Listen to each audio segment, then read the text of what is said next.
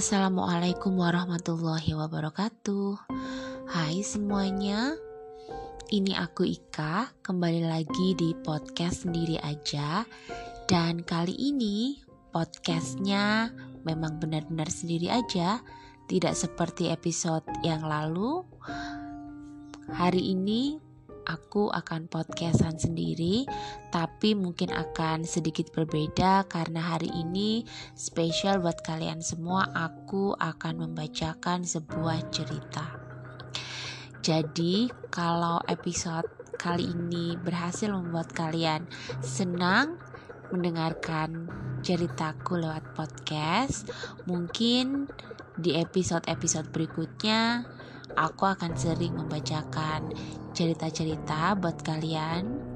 Bisa jadi ceritanya aku search dari beberapa source, bisa jadi dari internet atau dari mana pun, atau aku juga akan membacakan beberapa chapter dari buku-bukuku atau buku yang pernah aku tulis atau karya-karyaku. Gitu ya. So aku harap di podcast kali ini kalian suka mendengarkan aku membacakan cerita. Jadi here we go. Aku akan membacakan sebuah cerita pendek yang ditulis oleh Guntur Alam. Judulnya adalah Hari Raya Hantu. Aku meletakkan dua kantong kresek berisi barang belanjaanku di atas meja makan di depan ibu. Lalu mengeluarkan satu pak nyuko, kertas sembahyang, satu pak lilin merah, dua botol arak putih, satu pak teh tubruk, sekantong jeruk, dan barang-barang belanjaan lainnya. Ibu yang duduk di salah satu kursinya menoleh sekilas, melirik barang-barang yang kubeli Aku berharap mendengar komentarnya. Setidaknya ingin dia berkata sesuatu. Dia pasti tahu makna dari barang-barang yang kubeli sore ini. Tapi dia bergeming, bahkan membuang wajah. Mom, terdengar suara Liam di belakangku. Aku menoleh. Mommy sudah pulang. Tanyanya dengan mata berbinar. Aku tersenyum dan mengembangkan tangan. Anak laki-lakiku yang berumur tujuh tahun itu segera menghambur, memelukku sebentar, lalu melongo isi meja makan. Apa kita akan membakar uang akhirat lagi tahun ini, Mom? Tanya Liam sambil menunjuk satu pak nyoko di atas meja. Tentu saja sayang, tukasku. Besok tanggal 7 bulan 7 kalender lunar. Kita harus ziarah kubur dan membakar nyugo untuk kungkung agar dia sejahtera di akhirat dan kita pun sejahtera di dunia. Kungkung pasti meminta Dewa Bumi agar melancarkan rezeki Dedi. Mata Liam yang coklat berbinar terang, cemerlang. Aku mengangguk. Ama. Lia memanggil ibu. Tahun ini Ama harus ikut bersama aku, Mommy, dan Daddy membakar hiu lilin merah nyuko dan menghidangkan bunga serta daging ayam kesukaan Kungkung. Dia pasti kangen Ama. Kenapa Ama tak pernah mau menziarahi saat hari raya hantu? Aku tak mau, Jawab ibu ketus. Kalau aku ke sana, kungkungmu akan menjekiku dan aku akan mati. Tentu saja dia ingin aku segera mati. Karena dia punya seseorang untuk dibenci di alam akhirat sana. Dia, Bu. Aku memotong ucapan ibu. Perempuan berumur hampir 60 tahun dengan rambut memutih itu menatapku. Pandangannya berkilat Lalu dia berdiri dari kursi dan meninggalkan aku bersama Liam yang tertegun memandang punggungnya yang hilang di balik tirai pintu dapur. Seingatku, sejak ayah meninggal beberapa tahun lalu, ibu tak pernah menziarahi kuburnya saat hari raya hantu. Aku tak tahu apa yang terjadi antara mereka berdua. Sejak aku bisa mengingat dengan jelas, ibu tak pernah sekalipun menunjukkan rasa cinta dan sayang pada ayah. Entahlah, aku sangat heran dengan sikapnya itu. Dulu, Kuduga ibu menikah dengan ayah lantaran dijodohkan. Itu hal yang lumrah di zaman mereka masih muda. Orang-orang tua berharap anak gadisnya menikah dengan laki-laki tampan, terpelajar, dan dari keluarga kaya. Ayah memiliki itu semua. Bahkan, ayah pernah menjabat kepala produksi di tambang timah Pulau Bangka. Namun ternyata pernikahan ayah dan ibu bukan perjodohan. Mereka teman sejak kecil, teman bermain, dan teman sekolah. Dari sanalah benih-benih cinta itu tumbuh, lalu berkembang sempurna, hingga mereka melangkah ke altar pernikahan. Dan lihatlah aku, aku terlahir dari buah cinta mereka itu. Jadi, Aku sangat bingung ketika menyadari betapa ibu membenci ayah. Saking bencinya, ibu bahkan tak pernah mau menziarahi kuburnya. Tak adakah sisa dari rasa cinta mereka di hati ibu? Aku tak tahu. Saat aku kecil dan beranjak dewasa, mereka kerap bertengkar diam-diam. Ya, diam-diam mereka tak pernah perang mulut di depanku. Tapi aku tahu, karena aku sering mengintip atau menguping saat ibu memaki-maki ayah yang lebih banyak diam dan mendengarkan saja ocehan ibu. Pertengkaran ganjil itu sering terjadi tengah malam. Mungkin mereka berpikir aku sudah tertidur, jadi tidak akan tahu. Memang begitu, tapi aku akan terbangun saat mendengar teriakan ibu, lalu suara-suara piring atau gelas pecah. Pada akhirnya, ibu sendiri yang akan menangis dan ayah akan memeluknya. Selalu begitu, dan terus begitu, sampai ayah meninggal dunia karena dimakan usia. Aku tak pernah tahu apa yang memicu pertengkaran antara ayah dan ibu Aku hanya tahu hidup mereka tak harmonis. Pernah terfikir olehku, kenapa mereka berdua tidak bercerai saja? Mungkin karena ada aku. Walau aku sendiri tidak yakin akan hal itu.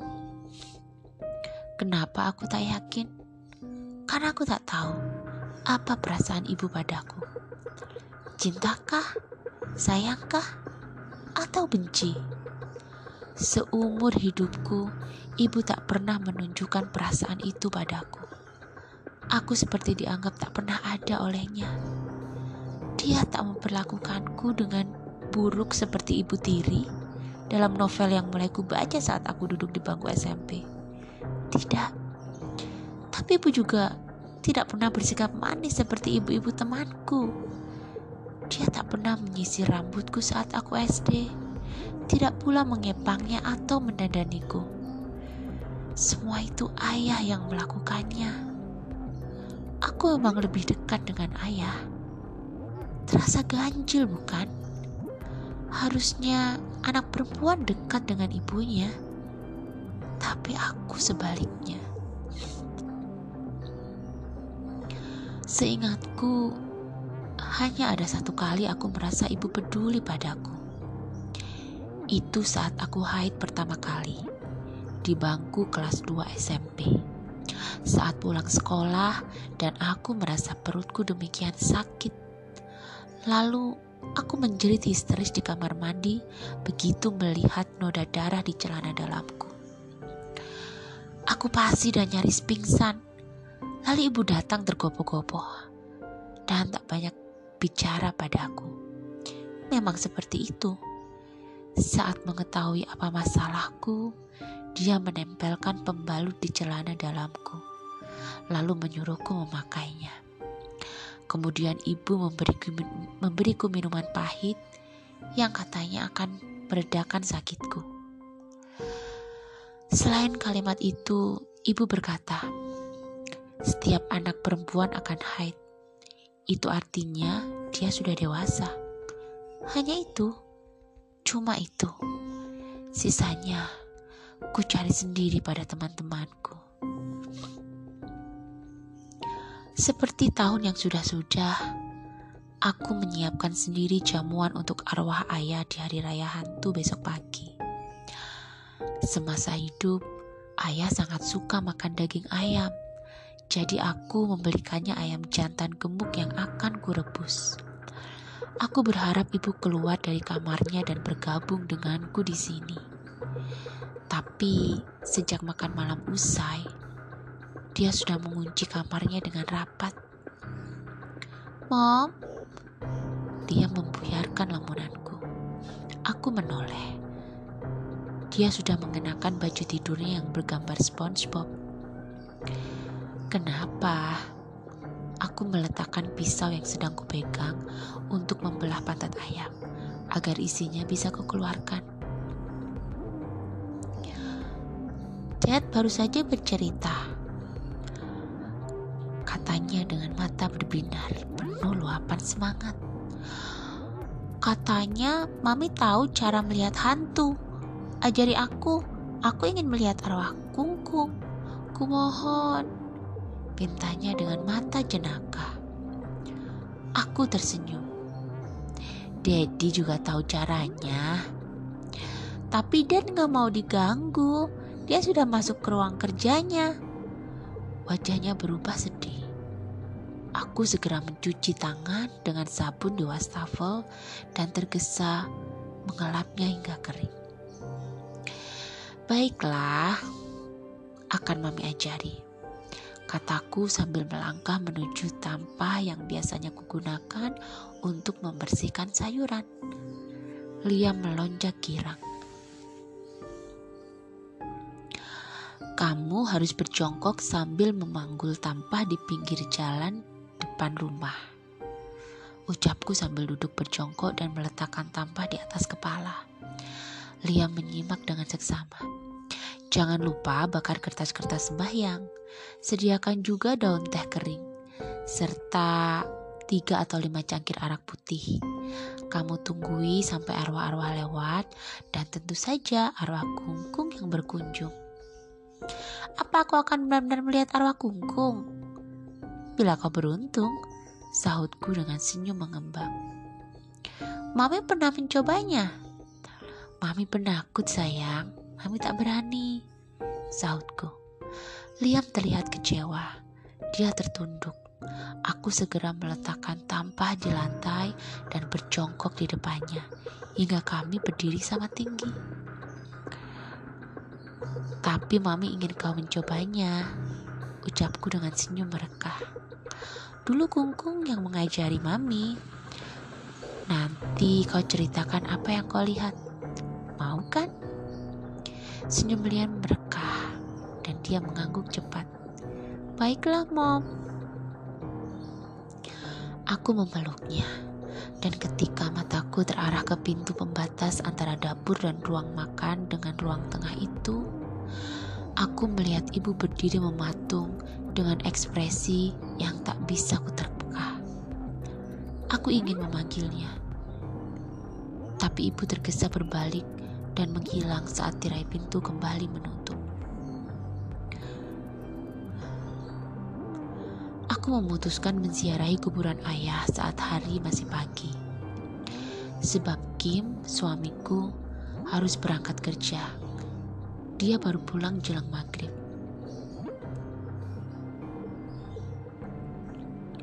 Kita tak akan sempat ziarah kubur jika menungguku pulang kerja. Jadi pagi saja, ucapnya semalam, dan aku mengangguk setuju. Sepulang aku kerja, kita segera bergabung dengan orang-orang di Tanah Lapang untuk merayakan hari raya ini. Lagi-lagi aku hanya mengangguk setuju. Langit masih berkabut dan sedikit gelap. Ketika aku, Kim, dan Liam berjongkok di depan kubur ayah. kami membakar lilin merah. Konon katanya, dewa penjaga kubur sangat menyukai lilin merah yang menyala. Aku menuangkan tiga gelas teh, tiga gelas arak putih, menaruh kue apa merah di atas piring, mempersembahkannya di depan patung dewa penjaga kubur ayah. Kim meletakkan sebungkus daun teh kering, sebungkus klotok, lalu dia menyalakan tiga batang hiu dan memberi penghormatan dengan khusyuk sebelum menancapkannya di tanah. Dia mengikutinya dengan semangat. Wajah mengantuknya sudah hilang. Usainya giliranku. Setelah menancapkan tiga batang hiuku di tanah, aku mengeluarkan seekor ayam jantan yang kurebus semalam, sepotong tahu rebus, dan sebutir telur rebus. Semua kutata dalam piring. Kuletakkan juga tiga butir jeruk dalam piring kecil, serta beberapa kue kecil lainnya. Sementara Kim, dia menuang tiga gelas teh dan tiga gelas arak untuk arwah ayah.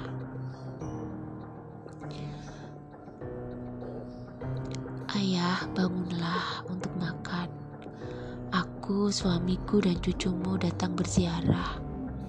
Ibu sudah tua, jadi dia tak kuat lagi untuk berziarah. Bohongku. Aku tertunduk saat mengucapkan itu. Kurasakan tangan Kim mengusap pundakku lembut.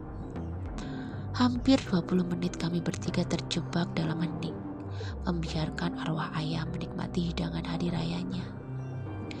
Setelah merasa arwah ayah menyantap semua sajian, suamiku mulai membakar nyuko yang sudah ditetesi darah ayah. Kertas sembahyang bergambar bujur sangkar berwarna perak di tengahnya ini dipercaya sebagai uang akhirat yang berlaku di dunia roh. Uang ini agar ayah bisa tetap makmur dan sejahtera di sana. Ibu menitipkan uang akhirat ini untuk ayah. Bohongku lagi. Lalu aku membakar kertas-kertas sembahyang itu satu persatu. Lia mengikuti dengan antusias sambil mengatakan jika uang yang dia bakar untuk kunggungnya, tapi itu uang ayahnya karena dia belum bisa mencari uangnya sendiri.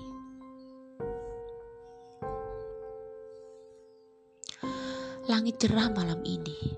Sepertinya para dewa di kayangan dan roh para leluhur tak ingin membiarkan hari raya ini penuh kemuraman.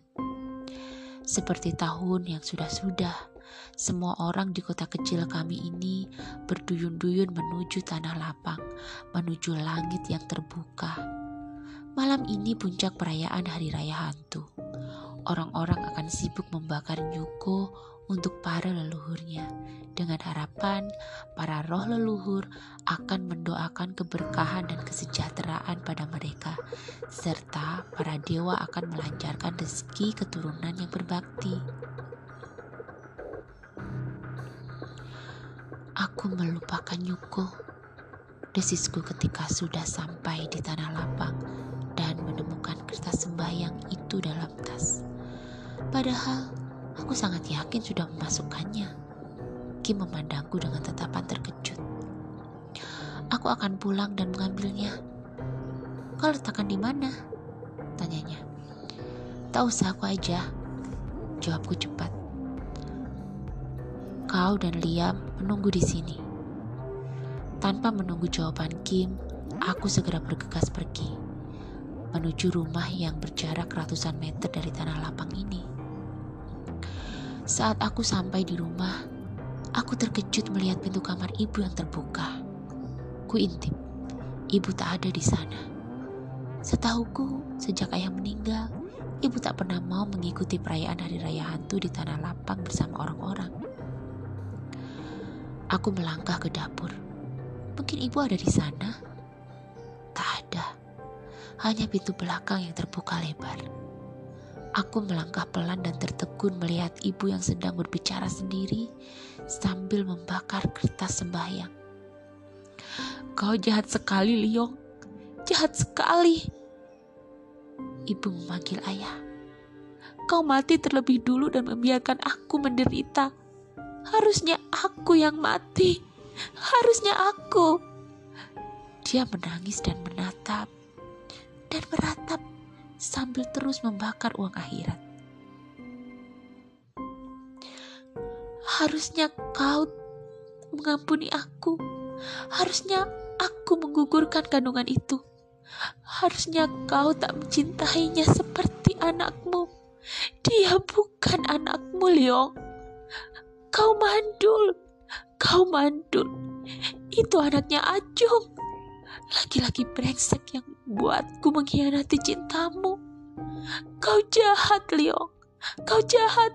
Kau biarkan aku menderita dengan dosa ini. Aku bahkan malu pada anakku sendiri, pada cucuku sendiri. Leong.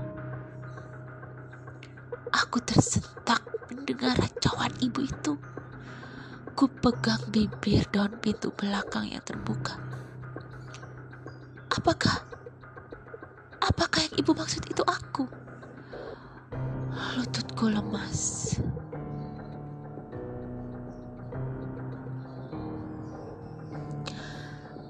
Oke, okay, so itu tadi ceritanya temanku, teman-teman semua. Jadi sorry kalau cara membaca ceritanya masih agak ada ada yang salah atau kurang enak didengar, tapi uh, itu cerpen yang menurutku menarik sih untuk dibaca dan aku uh, aku suka suka membaca cerpen-cerpen gitu. Karena uh, buku yang uh, sedang mau rilis ini uh, buku yang uh, aku tulis itu kan berisi berisi cerita-cerita pendek gitu dan aku belajar banyak banget dari membaca banyak cerita-cerita pendek dari buku dari artikel dari majalah. Bagaimana bagaimana menulis cerita yang baik gitu. Meskipun ya aku sendiri masih banyak harus banyak belajar dan memang belum bagus juga tulisannya.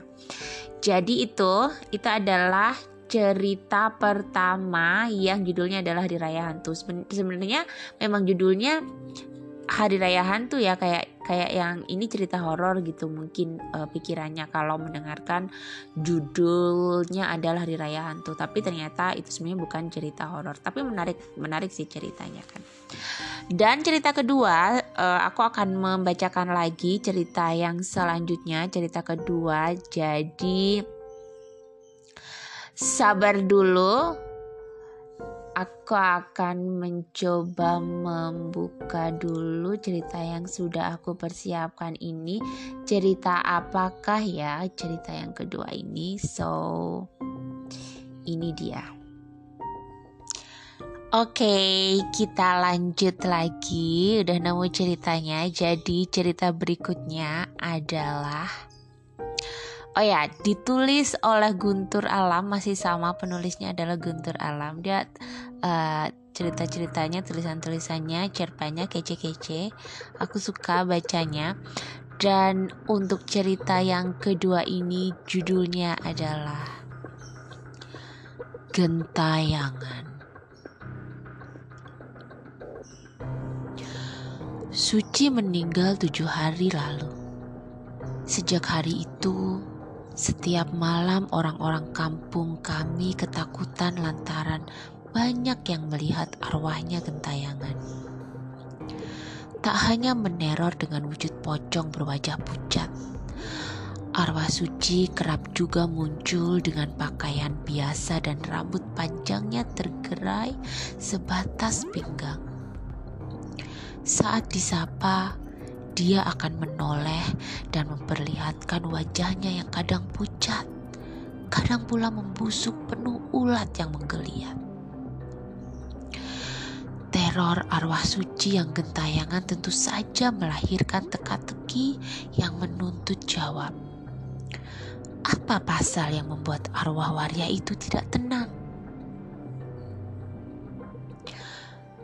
Iya, kau jangan kaget mengetahuinya Suci terlahir sebagai laki-laki. Orang-orang di kampung kami tahu persis akan hal itu. Nama aslinya Wahyu. Sejak anak-anak, Suci memang kemayu.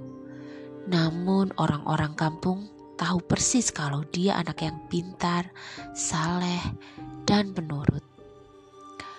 Selain memiliki suara merdu saat mengaji, saat SD dulu dia pernah mewakili kabupaten dalam lomba cerdas cermat tingkat provinsi dan jadi juara. Saat SMP, dia pernah dikirim ke Jakarta ikut Olimpiade Matematika. Sayangnya, setamat dari SMP, Suci tidak melanjutkan ke SMA. Dia kabur ke kota lantaran tak tahan selalu digebuki bapak dan kakak-kakaknya yang tak suka melihat tingkah polanya.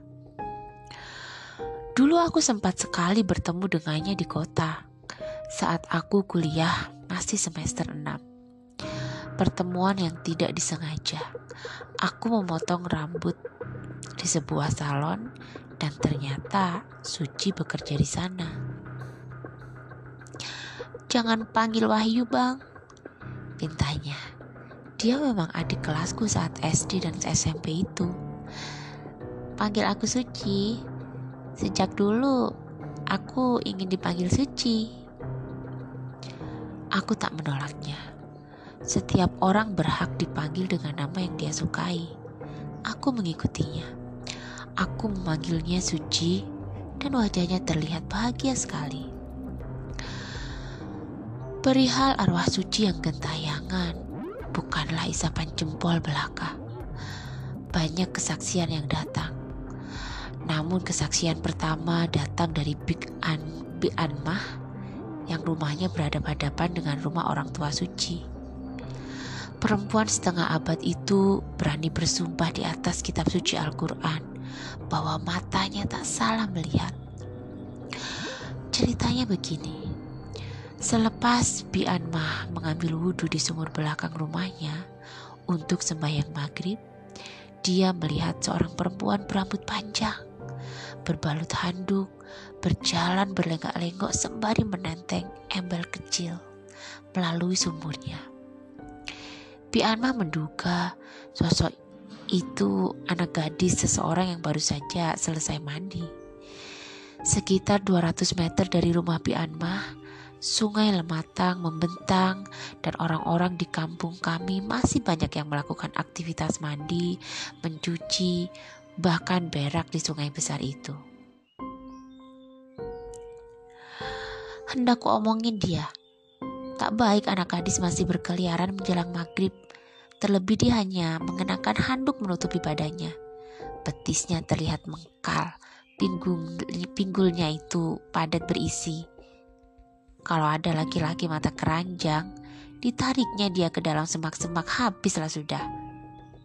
Suara Pianma masih berapi-api saat membuka ceritanya. Pas ku panggil menengok dia, pada bagian ini suara Bi Anmah mulai bergetar. Ya Allah ya Robi, terkencing-kencing di celana aku sampai terduduk aku di lantai sumur. Itu Wahyu, benar-benar Wahyu. Aku ingat persis wajahnya, dia menyeringai. Aku cuma bisa ngomong, ya Allah, ya Allah. Lalu dia tertawa cekikian. Pas dengar tawa itu, aku bisa berdiri dan lari lintang pukang menabrak pintu dapur rumah. Lalu Bibi tak jadi sembahyang? Tanya seseorang. Jadilah, saut Pianmah dengan wajah penyai. Ku tarik lakiku ke sumur, mengawani aku berbilas dan wudhu lagi. Beberapa orang cekikikan menahan tawa geli yang bersarang di mulut. Jangan asal tertawa senang kalian, ancam Pianmah. Kalau kalian melihatnya sendiri, kurasa bukan lagi terkencing kalian, tapi terberak di celana. Tawa mereka meledak, namun tawa itu kian redam setelah ucapan Pianmah seperti kutukan yang meminta korbannya. Satu persatu orang-orang di kampung kami, wabil khusus yang rumahnya berada dekat di sekitar rumah orang tua suci, mulai diteror arwah suci. Ada yang melihat suci berbentuk pocong, ada pula yang melihat suci dengan berbalut kain panjang putih, duduk berayun-ayun di, di dahan pohon jambu air rumah orang tuanya. Adalah Idam, anak bujang Wak Seman yang melihatnya demikian. Malam itu, malam ketiga kematiannya, buka bujang umur 17 tahun itu. Aku baru saja pulang dari rumah pacarku. Kawanku yang ikut membonceng sudah pulang. Rumahnya di kampung satu, sementara kita ada di kampung empat. Dia terlihat gugup ketika mengutarakan kisah seram yang dialaminya. Awalnya tak ada apa-apa, cuma langit sedikit gerimis, tapi dia menelan ludah mungkin yang sudah terasa pahit. Saat seketika sekitar 3 sampai 4 rumah lagi ke rumahnya almarhum itu. Sejak kejadian malam itu, dia tak berani lagi menyebut nama suci ataupun wahyu. Aku mencium bau jeruk purut dan kapur barus.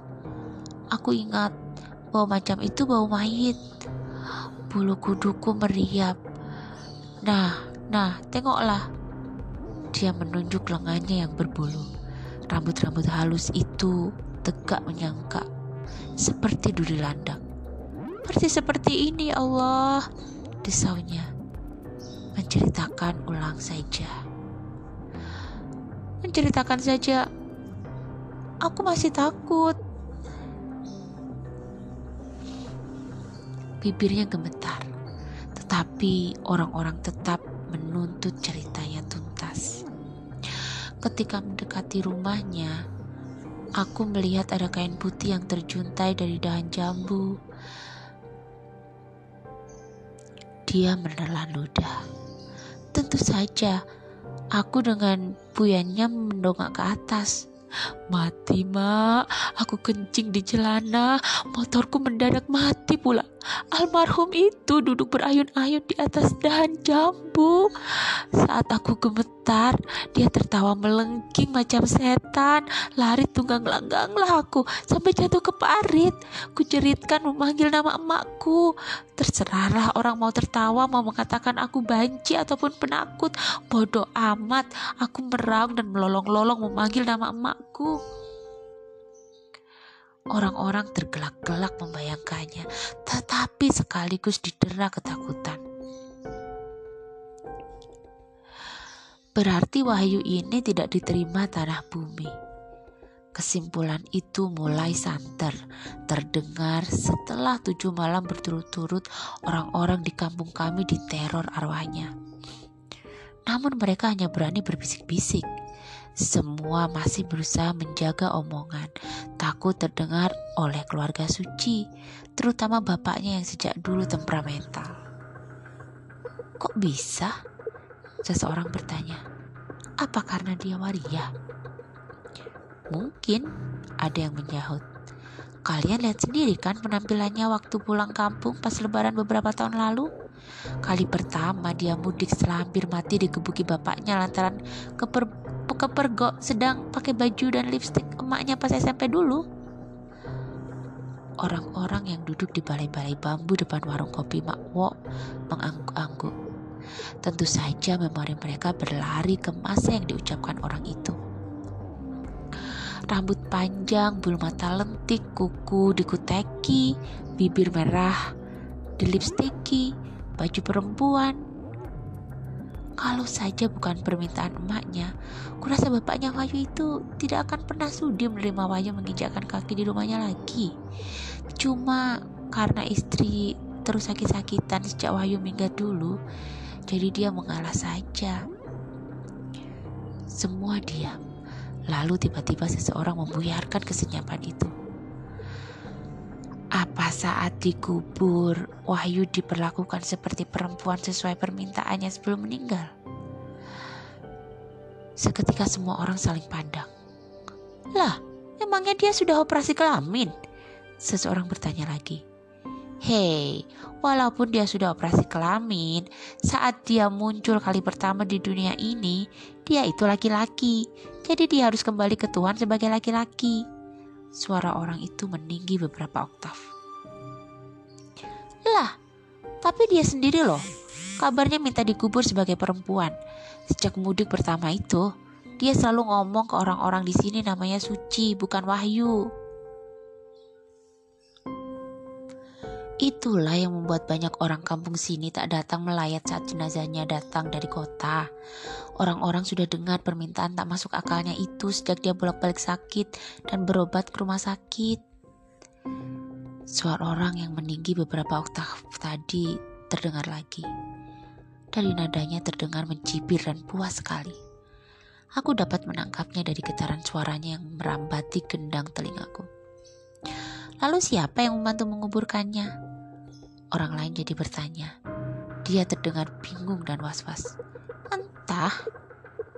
Suara orang yang meninggi tadi, kesan mencibirnya makin kentara di kuping. Mungkin dia menjawab sembari menggedikkan bahunya. Kan aku tidak datang. Mungkin yang lain datang. Ucapnya. Eh, yang aku tahu, dia menyambungnya lagi. Yang mengurus jenazahnya, kawan-kawan waria si Wahyu itu. Kabarnya, lebih dari 100 orang waria datang melayat dan berkumpul. Dari yang sudah tua bangka peot sampai yang muda belia. Nah, mungkin mereka yang mengurusnya. Loh, loh, loh, kok begitu? Seseorang terdengar cemas. Bagaimana jika mereka mengurusnya tidak sempurna seusai se sesuai syariat? Mereka lupa mewudukannya misalnya atau bagaimana?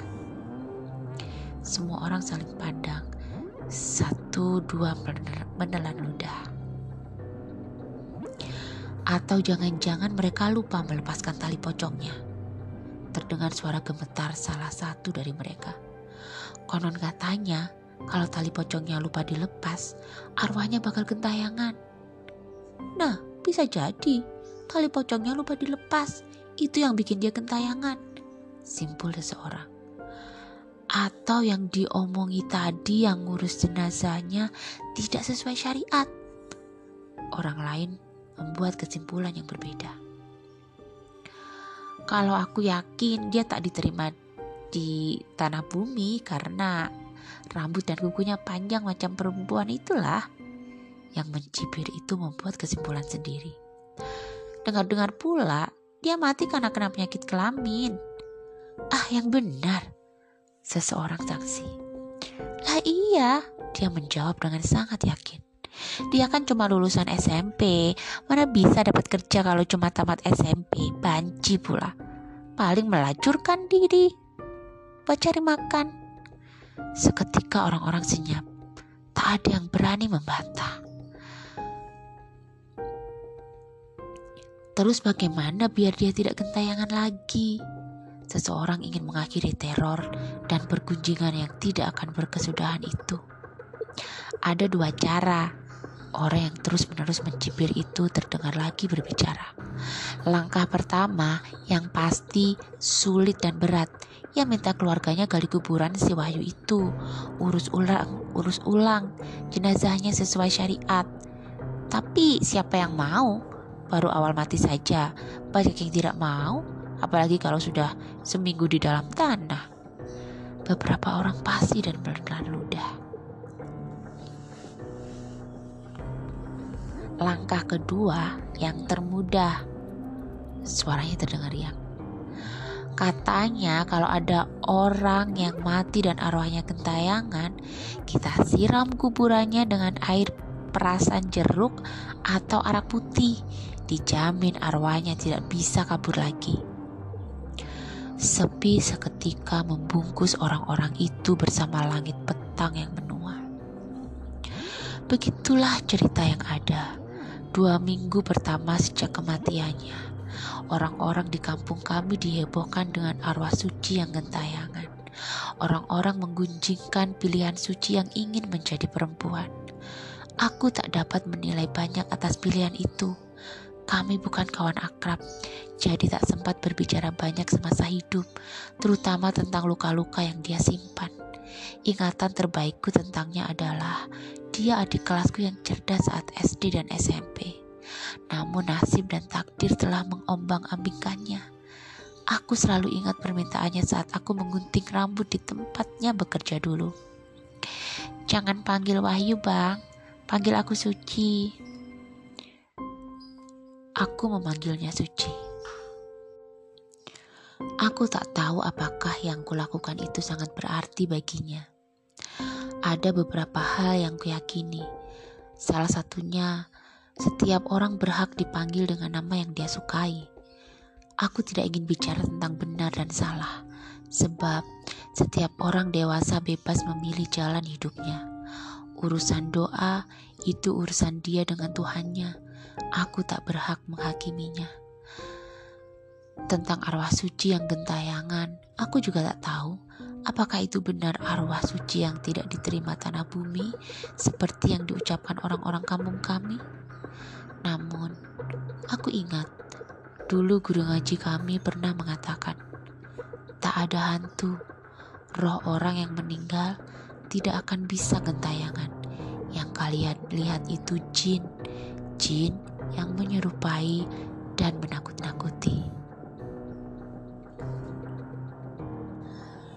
Nah, itu tadi dua cerita yang sudah aku bacakan. Jadi, uh, cerita yang terakhir judulnya adalah Gentayangan. Ditulis juga oleh Gunter Alam. Seru juga sih ceritanya.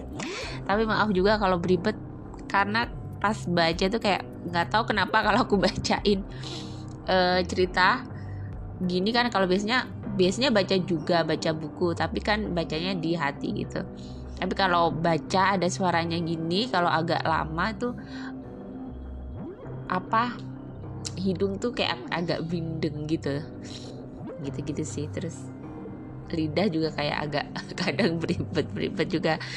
Uh, soalnya kalau bacain cerpen gini apalagi dengan berbagai tokoh kan seharusnya suaranya juga bisa dibuat berbeda-beda supaya pendengar itu bisa membedakan oh ini yang sedang ngomong gitu ini yang sedang bicara gitu kan. Tapi ya pokoknya begitu aja kemampuanku dalam membaca cerita. Semoga kalian semua yang mendengarkan suka.